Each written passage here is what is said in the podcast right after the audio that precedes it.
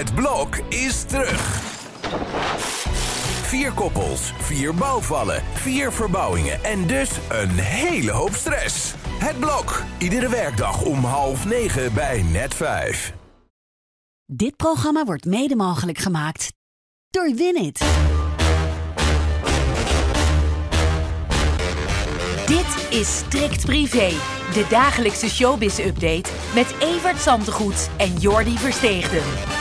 Eh, Voor maandag 5 februari. De Brabanders zijn aan het aftellen naar carnaval. De straten al versierd. Oh. Zag ik dit weekend. Ja, mensen, we kunnen er tegenaan. En wij zijn er weer de hele week om je bij te praten over het laatste showbiz nieuws. Geen carnavalsnieuws hè, dit jaar. Geen grote carnavalshit of zo. Nee, Nee. Snollebollekes heeft niks uitgebracht. Nee. André van Duin al jaren niet. Nou ja, gelukkig Ik heeft zag gisteren Beppie Kraft, die was nog Oh, lekker ja. bezig in Maastricht. legendarisch. En eh, ja, nee, verder is het eh, dat, dat, dat van eh, wat is de carnavalsknaller van het jaar? Nou, dat hebben we al heel lang niet meer natuurlijk. is voorbij. Maar gelukkig kunnen we teren op oude hits inderdaad. Onder andere van ja.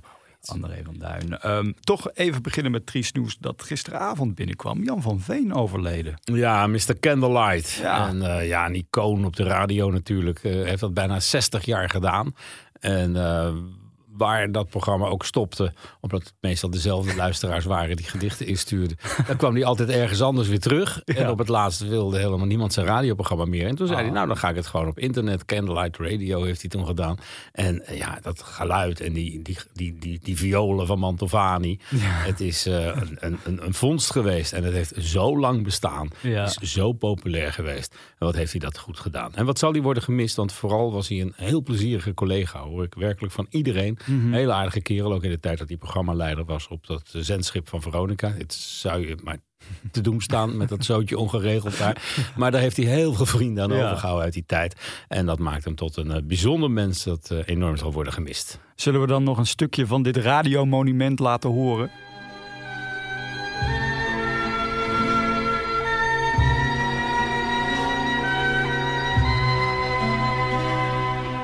Wat zou het zijn als ik de tijd terug kon draaien? Ik zou staan in vuur en vlam, in lichterlaaien. Wat zou het zijn als ik geluisterd had?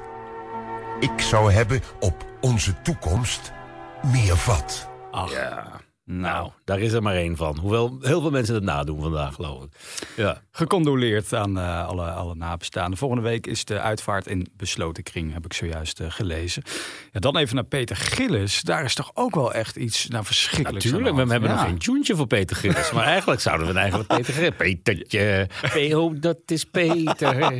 Dat, dat, eh, elke dag hebben we het bij- bijna wel over Peter Gillis of Ja. zijn familie. Nou, vandaag, omdat het trieste reden het graf van zijn ouders is vernield. Nou, Ja. echt smakelozer dan dat wordt het niet.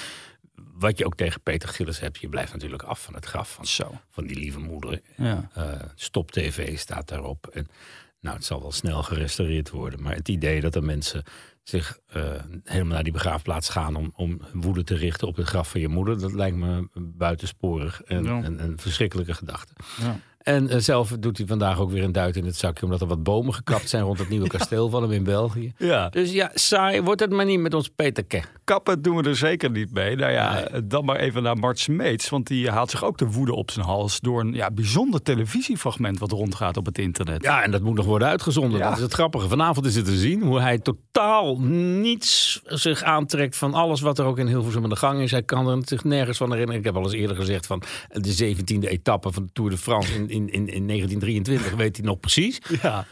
Maar eh, wat er allemaal op zijn werk gebeurt is, nee, dat is hij allemaal vergeten. En dat nou, herkent hij zich niet in, want hij is juist zo vriendelijk tegen vrouwen. Nou, sorry hoor. De vlees geworden hork Ja. is natuurlijk Mart Smeets altijd geweest. En die verhalen gingen altijd over hem. En hoe onaardig en hoe bijzonder en hoe raar ook in persgezelschappen waar hij zich ophield. Hoe tegendraads hij was en hoe eigenzinnig. En dan komen dit soort verhalen rond waarvan iedereen zegt... ja, natuurlijk is dat wel zo. En hij kan het zich niet herinneren. Ja. Ja, ik denk dat dit een buitengewoon slecht slot is voor een imposante carrière. Mhm. Maar eh, als je totaal geen enkele zelfreflectie hebt... dan ga je de komende dagen maar op de blaren zitten ook. Want het is niet om aan te zien, dat tv-fragment. En Koen Verbraak, die houdt zich nog in.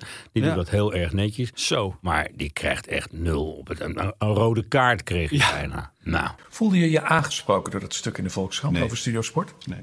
Nee? Waarom niet? Waarom wel? Nee, dat is geen antwoord. Wel? Nee, natuurlijk niet. Ja, wat moet ik er dan op Waarom wel? Ik voelde me niet Nee, ik- aangesproken. nee? Ik voelde me niet aangesproken. Want, want in dat stuk was ook een, een mevrouw Asha Margadi. Die ik nog nooit van mijn leven gezien had. Nou, die zei dat, dat, dat, ehm, dat jij haar tijdens de kennismaking voor de hele redactie voor schut had gezet. Ik weet niet wie ze was. Nee. Toen ik het las, heb ik aan mijn vrouw moeten vragen wie het was. Mijn vrouw wist het ook niet. Toen heeft zij. Maar die werkte daar niet, dus dat is geen, eh, geen goede... Nee, maar, maar meestal heb je wel gesprekken hè, over mensen met wie je. Hmm. Dat slaat toch helemaal nergens op. Die- Hij heeft aan zijn vrouw gevraagd, die weet ja. ja, wat moet die het weten dan? Ja, maar thuis vertel je wel eens over je werk. Dus zo had ze het moeten weten. Nou, echt Stuitend. stuitend, werkelijk, ja. Absoluut. Hoe moet het verder met Matthijs van Nieuwkerk? Nou, een soort gelijk. Die is eh, natuurlijk ook niet erg, erg de afgelopen dagen in zijn schulp gekropen. Integendeel, streep eronder, door. Ja. Dat is niet wat aan de hand is. En ik zou toch nog steeds die medewerkers willen oproepen om te zeggen... ja, het was Matthijs. En doe dat ook maar eens door een advertentie in een krant. Weet je nog, toen na The Voice? Ja, Dan het eh, kunnen ze ja. gewoon zeggen... Matthijs, eh, is het nou nog niet genoeg? Heb je het nou nog niet geleerd? en dan, eh, dan weten we waar we aan toe zijn. En dan kun je zelf besluiten of je straks naar Matthijs gaat kijken op RTL 4. Want daar hebben ze het geloof ik ook nog niet helemaal door.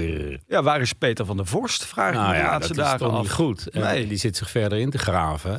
Zijn eigen RTL Boulevard keert zich tegen hem. Mhm. En ja, bij RTL zitten ze duidelijk niet te wachten op iemand met dit verleden... die mensen tegen de muur zet. En ja, ik heb nog steeds niet gehoord dat hij het niet is. Dus ik ga er maar vanuit dat hij het wel is. Ja, Maar laat die mensen nou eens gewoon vertellen wat er gebeurd is. ja, lijkt mij ook.